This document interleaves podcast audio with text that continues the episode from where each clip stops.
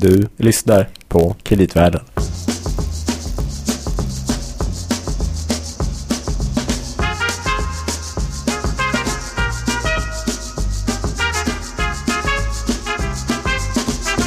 Varmt välkommen alltså till avsnitt 22 av Kreditvärlden. Sveriges och kanske också världens enda podcast om kreditmarknaden. Vi hoppas även den bästa. Eh, vi, som vanligt är det Louis Landeman. Och Gabriel Bergin. Mm, på kreditanalysen på Danske Bank Markets. Eh, vi har faktiskt två gäster, vi ska ta det med en gång, det blir så pinsamt när de sitter här och är tysta. Vi har två gäster med oss idag. Vi har eh, en bekant, ett bekant ansikte, en bekant röst. Ja, den är inte så bekant idag för den är äh, behäftad med en viss förkylnings... Något förkylnings... Oj, vi får se hur det här går. Men, ja, vi kallade den valsång innan vi började. Ja, Det var Roger som kraxade fram det där i alla fall. Roger Hej. Josefsson, chefekonom på Danske Bank. Eh, och eh, så har vi även Emil. Välkommen. Tack så mycket. En ny röst i kreditvärlden. Du jobbar faktiskt också på kreditanalysen på Danske Bank Markets sen eh, några månader. Ja, sen ja, några veckor ska jag säga. Mm. Välkommen både hit och till podden. Eh, kul. Vi, Mm, vi, mycket. vi är lite av en ensemble idag för att vi tänkte försöka eh, ta oss an lite grann det rådande feberheta marknadsläget eh, som råder eh, och komma in kanske lite grann framförallt på eh, eh, med negativa räntor vad det kan innebära och om vi har sett några tecken på vad den här låga, extremlåga räntemiljön har haft för effekter på företagen. Det är också därför Emil är här. Just det, för vi har ju varit inne på det här med rekonstruktioner ett tag. Idag tar vi en paus från det. Vi kommer återkomma till det troligen redan i nästa avsnitt. Så idag blir det mer kring negativa räntor och eh, vad vi tänkte göra är försöka ta lite bolagsperspektiv där vi tar avstamp i alla de eh, rapporter för kvartal 4 som har kommit från de flesta svenska storföretagen nu och eh, då tänkte vi ta Emils hjälp att lite grann summera och även titta tillbaks några år i tiden på vad, har vi, vad kan vi se för trender bland de här bolagen vad gäller till exempel tillväxt. Lite grann kring intjäning och vad som är intressant även att se i både, tycker vi, både skuldsättning och investeringar. Kan Mm. man se någon i de här senaste åren har ju räntorna gått ner mer och mer. Kan man se något förändrat beteende hos de här företagen eh, utifrån det? Det är en sån fråga vi har. Det man kan börja med att säga är väl att om man tittar bara på ett vi har gjort det helt enkelt att ta ett, ett aggregerat eh, index egentligen på, på Stockholmsbörsen där man exkluderar eh, alla banker då. Ehm, och så tittar man helt enkelt på hur försäljning och marginaler och investeringar har ökat under året. Det. Ehm, och det man slås av först är att som det ser ut då till en början i alla fall så ser det ut som att försäljningen har gått upp ganska kraftigt under 2014. Vi har en försäljningsökning på nästan 10 procent. Ehm, och då kan man börja reda lite i vad, vad beror det på. Ehm, ser vi en ökad försäljning med 10 procent? Eller är det, finns det andra faktorer? Mm. Ehm, och då kan man ju tänka att till exempel dollarn här har varit eh, en bidragande faktor i, i en ökad försäljning då helt enkelt. Just det. Vidare om man tittar vidare då på, på eh, marginaler så, så är de eh, minskat ganska kraftigt. Till exempel rörelsemarginalerna har egentligen gått ner stadigt ska jag säga sen, sen eh, 2011 egentligen då vi hade en topp. Ehm, så det är kanske också en del av den faktorn som har lyft då för försäljningen helt enkelt. Mm. Och det är intressant för att det, där, det är ett tvärsnitt av rätt många olika branscher ska man ju tänka på. Så ja man, det, man det det kan väl notera att det är ganska stor skillnad från bolag till bolag såklart. Men Mm. eh, vi gick in och tittade på, om man tar några enskilda namn så kan man också se det här som du säger väldigt mycket tidigare. Om vi tar, eh, tydligare, om vi tar ett bolag som Atlas Copco. De hade i kvartal 4 en försäljningsökning på 19% vilket är extremt högt. Men då är ju mycket av det förvärv, tidigare förvärv och Mm. eh, valutaeffekter. Ja. Och jag tror eh, om man tittar på organisk tillväxt i lokal valuta då var den negativ med 3%. Så det ger ju lite grann det här spannet mellan om man ser på like for like så att säga där man tittar på eh, exklusive förvärv och valutaeffekter så är det mycket mer moderat eh, tillväxt och det pratar vi om kanske 0, 1, 2 plus eller 1, 2 minus på många bolag. Ja men precis. Jo, det, det här är som sagt det här är ju inklusive förvärv och Mm. alltihop då, så, att, Mm. så det, Så, så lite, lite, lite dopade siffror kan man säga då. Ja, på grund det- av vilket man kanske på sätt och vis kan jag säga att det likväl är det ju bra men det har ju andra orsaker så att säga. Men just det med, med mycket förvärv till exempel har ju varit en sån grej. Det skedde ju senast vi hade en sån här lågränteperiod innan förra krisen 2005 till 2007. Så gjordes det väldigt många förvärv, den aktiviteten ökade och det var ju någonting som vi började prata om när räntorna börjar komma ner men inte riktigt någon tillväxt. Ja, men hur ska företagen skapa vinst och volymökning för för, eh, och, och, då pratade många om att förvärven borde öka och det har de faktiskt gjort de senaste par åren. Så som du säger så är det en förklaring till att de här största bolagen som ju är de som är på Stockholmsbörsen då, i alla fall i det här tvärsnittet framför allt, eh, att de har haft en ökad försäljning. Just det, apropå det så har du har väl ja, några siffror lite på det? På det, också. Ja. det, det man kan säga generellt är väl att innan runt 2007 då, så var det väldigt hög volym av, eh, av förvärv, eh, förvärvsaktiviteter. Men, men det som man kan, om man säger skönja någon trend här är väl att det har varit ganska stabilt efter 2008-2009. Vi har legat runt eh, 20, 20 miljarder ungefär per kvartal. Mm. Um, men det som, som, som slår när man tittar på det här är antalet affärer. Att de går ner ganska kraftigt. Så man, man gör fler, eller man gör färre affärer men till en större volym kan man säga. Okay. Så det är väl kanske återigen då ett eh, man, man hittar helt enkelt inte tillräckligt bra förvärv, små förvärv utan man får gå på på lite större förvärv för att kunna få någon tillväxt överhuvudtaget egentligen. Och kanske också förmodligen lite dyrare då kan jag tänka mig eftersom multipeln har förmodligen gått upp. Ja, mm. precis. Är det ett tecken på en dålig innovationskraft i svensk ekonomi Roger? Att det inte finns massa små bolag som, som stora kan förvärva? Ja, jag tänkte precis att det kan ju vara en förklaring till det också. Det man kan ju bara konstatera att tittar man på det eh, från mak alltså på makroekonomiska motsvarigheten till de här vinsttermerna. Då kan man ju rätt fort komma till slutsatsen att, att eh, vinstandelen i ekonomin till exempel eh, efter då gått upp precis just där i den, i den återhämtningen efter krisen faktiskt har planat ut och till och med börjat vända ner igen eh, efter krisen. Och det är ju det här som är liksom den stora gåtan för Riksbanken. Varför inte den här sakta men säkert behöver vända uppåt. Mm. Uh, och uh, vi har ju pratat om det i det här forat också några gånger. Just det här svårigheten att få igång tillväxten igen. Men oaktat det, där man ska titta efter tillväxt är ju framförallt i små bolag. Uh, och förhoppningsvis då för svenskt vidkommande i forsknings och intensiva högförädlande branscher. Mm.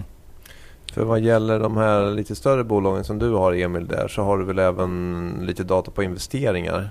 Ja precis, man kan ju fråga sig då om man, om man, inte, om man inte köper mer och man, man tjänar någorlunda mer pengar eller ungefär lika mycket i alla fall. Så vad, vad gör man då med pengarna? Um, och om man tittar då på investeringarna så, så har det inte ökat särskilt mycket de senaste åren. Det ligger ganska stabilt faktiskt. Uh, och man genererar ett ganska bra kassaflöde också då som ytterligare borde, borde öka så att säga investeringsmöjligheterna för bolagen. Så eh, det man i stort sett gör är att dela ut ganska mycket pengar istället. Eh, utdelningen har ökat ganska mycket och framförallt som vi då tittar på en slags aggregerad forecast för de här eh, eller framåtblick helt enkelt för, för de här bolagen så, så tror många aktieanalytiker att det här är en trend som kommer fortsätta också. Mm. Att man kommer ut, dela ut mer pengar framöver. Dela ut eller köpa tillbaka aktier eller någonting? Ja, precis. Någon mm. form av aktiestimulans då. Ja, utdelningsfesten på Utdelningsfesten fortsätter ja. Men finns det, någon, finns det någon uppskattning av hur mycket man har tänkt investera under till exempel de närmaste ett à två åren? Nej det tror jag inte men om man läser i om, om man läser i kvartalsrapporterna och den generella känslan så enligt mig i alla fall så, så får man ingen känsla av att det finns någon investeringsboom om man säger så. Nej jag, jag tänkte precis på det för det, det finns något som heter investeringsenkäten och den indikerar just att det är fortsatt extremt låg investeringsvilja. Jag tror man den senaste som faktiskt var ganska positiv eh, indikerar fortfarande bara en uppgång med 2-3 procent eller något liknande. Och det är ju enormt låg så här långt in i en konjunkturåterhämtning. Så det förstärker väl också intrycket tycker jag just där som ni ser på bolagsnivå. Att eh, investeringsviljan finns, finns inte där helt enkelt. Nej, problemet måste ju vara att hitta någonting som man tycker är eh, tillräckligt billigt eller tillräckligt attraktivt att köpa. Med höga värderingar och så vidare. Alltså, nu tänkte jag i och för sig framförallt då på, på, eh, på maskiner och liknande. Men, men visst, det måste ju gälla även på eh, det, det, eller så här, jag tycker det är svårare att förstå faktiskt när det gäller just företagen själv. För man kan ju tänka sig att man köper en, en horisontell eh, integration till exempel. Det vore ju helt naturligt i en sån här miljö. Man köper sin marknadsandel, köper sin pricing power. Så. Mm. Det, mm. det, det, ja, det kan man ju tycka. Oavsett vad man tycker om konjunkturen i övrigt kan man tycka att det är märkligt. Men det kan ju i och för sig ha att göra med det att det man kan tänka sig köpa är just nu väldigt dyrt. Och då tycker man kanske att man vill inte ta den risken. Men vi har ju i och för sig sett vissa bolag som har Electrolux har ju till exempel gjort ett stort, alltså vi kan ju nämna flera verkstadsbolag. Mm. Uh, Meda och så vidare. Ja, precis. Men just det här med att, som du säger Roger, och som du pekar på Emil, att inte just investeringarna i, i maskiner, inventarier och annat som ska kanske driva eller om man väntar sig någon typ av återhämtning eller åtminstone någon typ av ökad efterfrågan på ens produkter. Den verkar inte finnas där utan eh, man eh, du sa ju för det som jag tycker är lite intressant är att marginalerna också har gått ner för att man har ägnat, många av de här stora bolagen har ägnat ganska mycket resurser åt att försöka höja sina marginaler med olika typer av kostnadsbesparingsprogram och sådär men det verkar ju inte riktigt haft i alla fall den aggregerade effekten som man kanske hade hoppats.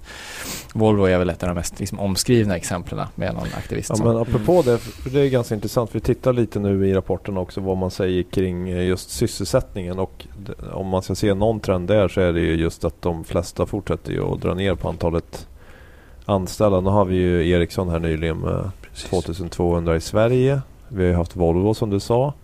Men jag tror de flesta bolag här när jag gick igenom, inte riktigt det här tvärsnittet som Emil har, lite annat bolag där jag även kollade på en del statligt ägda bolag. Eh, typ Postnord eh, och LKAB och så vidare. Även de, Postnord till exempel, ska ju säga upp 800 personer i år. Uh, och jag vet LKAB ska minska med 400 personer. Eh, SSAB har ju varslat eller ja, i Bålänge och så vidare. Så det är en ganska tydlig trend att, att det här fortsätter. Så att om man pratar om ökad sysselsättning, det kommer inte komma från den här gruppen företag i alla fall. Det kan man vara rätt klar med. Nej men alltså det är det här också som är återigen man ska lyfta blicken inför nästa års eller avtalsrörelsen. Den inleds ju till hösten och ska avslutas då är tänkt i början av nästa år. Och man kan väl konstatera så här mycket att eh, företagarna är ju, eller för arbetsgivarna är ju helt på det klara med att det, det, det kommer, de kan inte acceptera helt enkelt några löneökningar alls. Och man bara titta på förväntningsbilden för både arbetsgivare och arbetstagare så har den fallit kraftigt under det senaste halvåret, året. Och det är ju i sig ett tecken på att man just inte får igång eh, ekonomin. Man får inte upp vinsterna helt enkelt i företagen på ett sätt som gör att eh, arbetstagarna helt enkelt ska, ska förvänta sig en större andel av kakan. Mm. Men då känns det ju eh, hittills i alla fall av det vi har sett här om man summerar att de här lägre räntorna har ju egentligen verkar inte ha påverkat speciellt mycket vad gäller just att få igång investeringar och jobbskapande eller kan man se det någon annanstans? Eller? Nej, nej det är extremt svårt att se. Alltså, vi, kan, vi vet ju liksom genom empiri var sysselsättning framförallt skapas och det är framförallt i små eller medelstora företag. Mm. Eh, tillväxten däremot, eh, produktiviteten, den ligger, massan där ligger ofta hos stora företag. Men problemet här är att vi har ju inte någonting av det här. Eh, vi har haft en, en liten boom i Sverige tack vare olika politiska initiativ med uppgång i restaurangbranschen till exempel, hotell och så vidare. Men, men bortsett från det är det ju extremt lite och framförallt inom de områden där man kanske vill se det. Hotell och restaurang är all ära men det vi vill se är ju nya Spotify och den typen av företag. Det är sånt som driver högförädlad tillväxt och som driver ekonomin mycket tydligare i rätt riktning. Mm. Kan vi få bara en ögonblicksbild från eh, på konjunkturläget? För det är liksom industriproduktionen och sånt där har ju börjat någon liten ljusning, eller? ja, det vill bara att erkänna direkt. Eh, så är det tyvärr, eller på att säga. Nej då. Eh, glädjande nog så ser vi sådana tecken. Mm. Men, men de är ju extremt tentativa. Ja. Eh, och eh, vi har ju gått, kan man Och vi är fortfarande liksom långt ner, om man jämför med liksom vad industriproduktionen var innan krisen och jämfört med nu. Ja, det här vanliga industriproduktionsindex, där är vi liksom 25 procent under, mm. under vad vi var innan vi gick in i krisen. Så det har inte hänt någonting. Eh, men, men ögonblicksbilden är väl, tycker jag ändå ganska sådär, ja vi får väl se. Det är väl där fortfarande vi är lite grann. Eh, vi har ju sett en, en eh, vad ska vi kalla det, en platå i just industriproduktion och vi ser också en tecken på uppgång i till exempel exportorder. Men det är någonting vi har efterfrågat i ett år i princip efter en svag valuta och så vidare. Men vi har inte sett några tecken än, mm. förrän nu helt enkelt. Så det var verkligen på tiden att det, att det började synas någonting. Mm. Men vi får ju hoppas att det fortsätter och ska man ta på sig den glada hatten och det vill jag gärna göra. Just det. Oj, ja, ja. Så kan man väl ändå konstatera tycker jag. Skett någon personlighetsförändring här med ja, bara rösten som precis. Eh, så kan man, men om man tar på sig den glada hatten så kan man ändå konstatera att ett viktigt exportområde för Sverige det är Europa givetvis. Och framförallt Tyskland och Tyskland går faktiskt väldigt, väldigt starkt här och nu. Så det är klart att det, det finns tecken på att det ändå ska se något sånär ljust ut i någon form av närtid i alla fall. Men den här svagare valutan då, som vi, vi såg ju det hur det slog igenom i rapporten där väldigt mycket. Uh, kan det hjälpa till här? Ja definitivt, jag tror det. Under ja, men det, i år. Ja, alltså, eller jag brukar säga så här att jag, man, man, även om det är väldigt svårt att liksom få någon så här kvantitativ effekt på hur kronan exakt slår så tycker jag det verkar eh, väldigt dumt att tro att inte en svagare valuta ska ge en positiv effekt på svensk export. Uh, och uh, jag tror nog att den där effekten kommer väl, givet att inte kronan stärks så mycket nu då, kommer vi nog få se under det närmaste halvåret. Vad som händer därefter blir ju fråga helt enkelt vad penningpolitiken tar för inriktning. Ja men apropå det då, vad tycker du personligen om det här just att man har en negativ styrränta? Är det, finns det någon poäng i det eller kan det skada mer än vad det hjälper? Kan det få en negativ psykologisk effekt hos ja. hushåll till exempel. Att man Nej. tycker att nu känner man sig nästan orolig för någonting som är konstigt om man har negativ ränta eller? Ja, alltså om man bara ska döma av den uppmärksamhet som en sänkning med 10 punkter har fått. Mm -hmm. eh, ja, så är, ja, men det är redan, tycker jag ändå ett tecken på att det här det är någonting som är väldigt speciellt med det här och det är just att det är ett minustecken. Mm. Men, men om man ska börja fundera lite grann av de ekonomiska effekterna så är det tycker jag svårt att göra något stort av det. Eh, det är ju ett, Rent teoretiskt är det förändringen i styrräntan som är det viktiga, inte exakt nivån. För, precis. För här har vi också ett, ett eller ja, tills du kommer till nollräntegolvet givetvis. Som ju är, ska vara en bindande restriktion. Sen är det just var ligger det exakta nollräntegolvet. Men det som är intressant här tycker jag det är ju bara att det här försöker man ju tvinga någonstans banker att helt enkelt istället för att placera pengar och få negativ avkastning hos Riksbanken till exempel så vill man då tvinga dem till att göra något annat med pengarna, låna ut pengar. Men det är ju här någonstans som jag tycker resonemangen brukar gå fel. Problemet för, för svenskt vidkommande är ju inte tillgången på likviditet, tillgången på krediter och finansiering. Utan det är efterfrågan. Som vi precis har hört här nu eh, från Emil och, och er. Så finns det ju helt enkelt inte något, någon investeringsefterfrågan. Och det är ju där som liksom grundproblematiken ligger. Nej.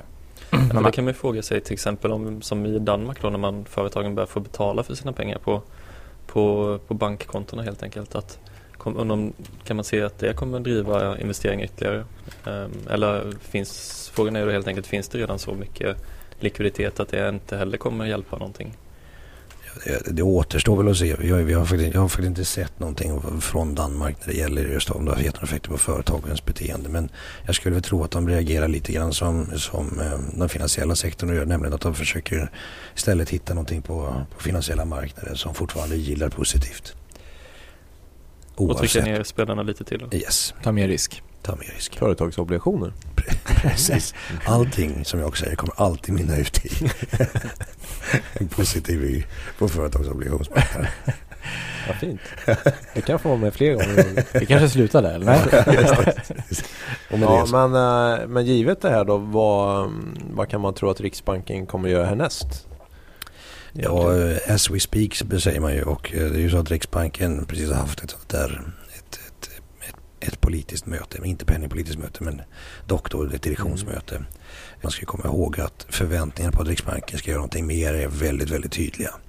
Eh, vi själva har ju sagt att det kommer väl bli någon ytterligare någon sänkning och säkert också någon form av ut, utvidgning av det så kallade QE-programmet. Då. Mm. Alltså köpa mer statsobligationer än de här 10 miljarderna som man Precis har köpt eller så. Och här, här eh, är det ju extremt, det här blir ju liksom rena gissningar tycker jag om hur mycket och sådär. Men, men det verkar väl inte otroligt att det är det som är första steget. Men som ni vet så har jag ju för, för, för, eh, förordet mm. eh, snarast valutainterventioner. Det är ju i princip QE också. Det är bara mm. att du mm. gör det i andra länders eh, obligationer istället. Mm. För att ytterligare försvaga svenska kronan? För att ytterligare försvaga svenska kronan ja. Och så för att slippa få de här negativa effekterna på finansiella marknader. Men det blir väl i och för sig om man säger till exempel att köpa mer statsobligationer så kommer det i sig att försvaga kronan väl? Ja, det får den effekten ändå eller? Ja det, ja, det kommer det säkert att göra. För jag menar, många av de här som, det är bara att titta på hur det har sett ut i till exempel USA, Storbritannien och även nu Europa nu då. Så kan man konstatera att det som händer rätt snart är ju att folk börjar söka alternativa avkastning Och då letar man sig gärna utifrån det, det närområdet. Eh, I USA letade man sig ut till Asien och ner till Latinamerika till exempel. Och, ja, i Europa antar jag att det blir, med tanke på hur höga räntor eller relativt höga räntor är i USA så är det, förklarar väl det också varför intresset för Mm. amerikanska mar- marknaden just nu är väldigt stort. Eller så köper svenska investerare bara mer fastigheter i Sverige. det är kanske Ingves mardrömsscenario. Ja, han har, ju, han har ju faktiskt själv varit väldigt tydlig med att det här QE som man kan tänka sig att ska man göra det i någon form av magnitud så behöver man liksom köpa även bostadsobligationer. Men det har han ju sagt rakt ut nej till. Mm. Men tycker du, mm, är det, är det vettigt det här som Riksbanken gör eller är det, eller är det så att kanske till och med att man är lite grann tvingad till det på grund av det som ECB gör? Så att, så skulle man inte göra någonting skulle det kunna få väldigt negativa effekter då på sikt för, i Sverige? Eller? Jag, jag, jag, så, jag, jag vet inte hur, hur mycket mer negativa effekter det skulle få men det, det man tror jag kan konstatera och det är precis som Riksbanken säger också. Gör de ingenting då kommer kronan att stärkas. Eh, och det ser vi ju också, liksom alla tecken på att svensk ekonomi går bättre eller att Riksbanken inte skulle göra mer och så vidare Det leder ju ganska, till ganska tydliga förstärkningar av kronan. Så jag tror man är, är just väldigt uppmärksam på hur kronan utvecklas härifrån som några först, alltså de här förstärkningstendenserna vi har sett igen idag eh, är man nog väldigt besviken med. Mm. Du var inne på eh, liksom spillover-effekterna eller portföljrebalanseringseffekterna eller vad man nu vill kalla det på finansiella marknader. Att, eh, och börsen har ju gått väldigt bra, eh, vet säkert alla lyssnare också om sedan årsskiftet förutom en liten dipp här i mars. Eh, men Emil, eh, kan inte du berätta för alla lyssnare som inte är så in tune med kreditmarknaden som eh, vissa av oss är. Hur har det gått med företagsobligationsmarknaden? Vi brukar prata om spreadarna har vi förklarat någon gång att det är liksom riskpremien på företagsobligationer. Vad har hänt med den de första månaderna på det här året? Ja, nu, Louis får väl fylla, fylla in mig här men jag, min bedömning är väl det att det har fortsatt att gå ihop en del men inte jättevåldsamt. Mm. Utan vi har, vi har sett eh, företagen få betala lägre eh, ränta när de kommer ut då. Men framförallt i euroland så att säga, eller i euro, eh, euro eh, eh, obligationer då. Mm. I, i, på den svenska marknaden så tycker jag inte att vi kan se en lika stark eh, trend som i euro. Nej, okej. Mm. Ja men det är väl helt riktigt. Det är en väldigt hög riskaptit speciellt i, på euromarknaden tror jag. Det, de här företagshybriderna som Vattenfall ju gjorde en eh, för någon vecka sedan har ju blivit väldigt populära här i början på året. Mm. Ja precis, och då får man Eh, lite högre avkastning till, eh, till ett välkänt namn och statsrelaterat. Just det. Eh, Ett förlagslån typ. Ja. Men, ehm, Men om man kan säga någonting annat som också är intressant är om man tittar på då eh, basis-swappen Mm. mellan eh, euro och dollar. alltså det vad det var ju- kostar att skapa sig euro från dollar till exempel. Ja över precis, tid. att man, Ja. att man byter flödena helt Mm. enkelt mellan, mellan euro och dollar. Mm. Så, så har vi sett eh, väldigt stora och välkända bolag, som har, eh, amerikanska bolag som har kommit till, eh, till Europa och lånat pengar här. Mm. Eh, väldigt framgångsrikt också. Vi har till exempel sett eh, Coca-Cola Mm. eh, som har varit och lånat, de lånade 8,5 miljard Mm. i, eh, eller om det var 8 miljarder. Mm. Känns inte det där lite grann som den stora, eller ja, om man nu ska bortse från de här Grexit och sådär. Känns inte det som den stora rörelsen, nästa rörelse? Därför jag tycker att eh, det här, man har ju fokuserat så enormt mycket på den här policy och ekonomiska divergensen mellan Mm. eurozonen och USA. Men här tycker jag väl, eh, om man ska vara riktigt ärlig och titta på makrodata, då ser inte USA speciellt bra ut just nu. Det är ju framförallt just arbetsmarknaden, men bortsett från det så går ju till exempel industrin väldigt svagt. Eh, detaljhandeln har inte tagit sig alls på det sätt som man hade förväntat sig och så vidare. Medan Europa faktiskt har gått rätt bra. Så det, är inte, jag tycker inte, det där tycker jag ska bli jätteintressant att följa. Se verkligen om, eh, om det här är någonting som kommer fortsätta eller om vi kommer få se en ganska stark vändning i eurodollarkursen. Mm. Som det känns nu så har det varit mer att man, man kanske passar på helt enkelt för att det är så pass billigt i Europa och det finns eh, så mycket likviditet som att hämta helt Precis. enkelt. Mm. Jag säger inte att från företagens vinkel är det ju självklart smart att göra det. Jag tänker mer bara som ett marknadstema. Ja, alltså det verkar väl vara lite konsensus att dollar ska gå starkt. Och det är väl då... Är du en contrarian Roger? Eh, Ja, alltid. Ja. ett, ännu ett bevis på det. Men eh, skulle det också tala emot att Fed eh, alltså bara kommer att vara lite mer försiktig i sina höjningar? Sen kan det vara svårt att göra det på ett försiktigt vis då antar jag. För att marknadsräntorna kan ju oavsett kan röra sig uppåt ganska snabbt ändå så att säga. Jag, jag, tror att, jag tror inte att Fed är jätteorolig för amerikansk ekonomi. Eh, och det är inte jag heller. Men, men, men det är ju en skillnad mot att säga att de ska växa med 3% plus och kanske igen ett år med 2-2,5 procent. Det är ju en ganska stor skillnad. Mm. Jag tror att man ska räkna med att, att eh, de vill få så mycket frihetsgrader som möjligt Fed. Skulle det nu ta sig igen i amerikansk ekonomi, eh, bort, alltså även utanför arbetsmarknaden, det är klart att de kanske kan höja i juni. Och då behöver de ju ta bort det här patience som det har varit sånt fokus på. Och det ska de väl göra ikväll då i tanken. Mm. Eh, Men det är ju inte samma sak som att de lovar att de höjer i juni. Utan jag ser det snarast som att de vill eh, helt enkelt öppna alla möjligheter. Men en sak, vi har varit inne på det lite grann när du pratar om avtalsrörelsen. Men eh, är det- fortfarande så att egentligen, du ser inte så mycket tecken till att inflationen på något vis skulle börja ta lite fart eller? Kan man tro det med till exempel svagare Tänker du på Sverige nu? kronan? Ja, Sverige framförallt kanske. Ja, det kan man internationellt också. Jo men det, det finns ju vissa, alltså i, och tittar man på inflationssiffrorna i sig så finns det väl vissa tecken på att kronan faktiskt börjar slå igenom lite grann.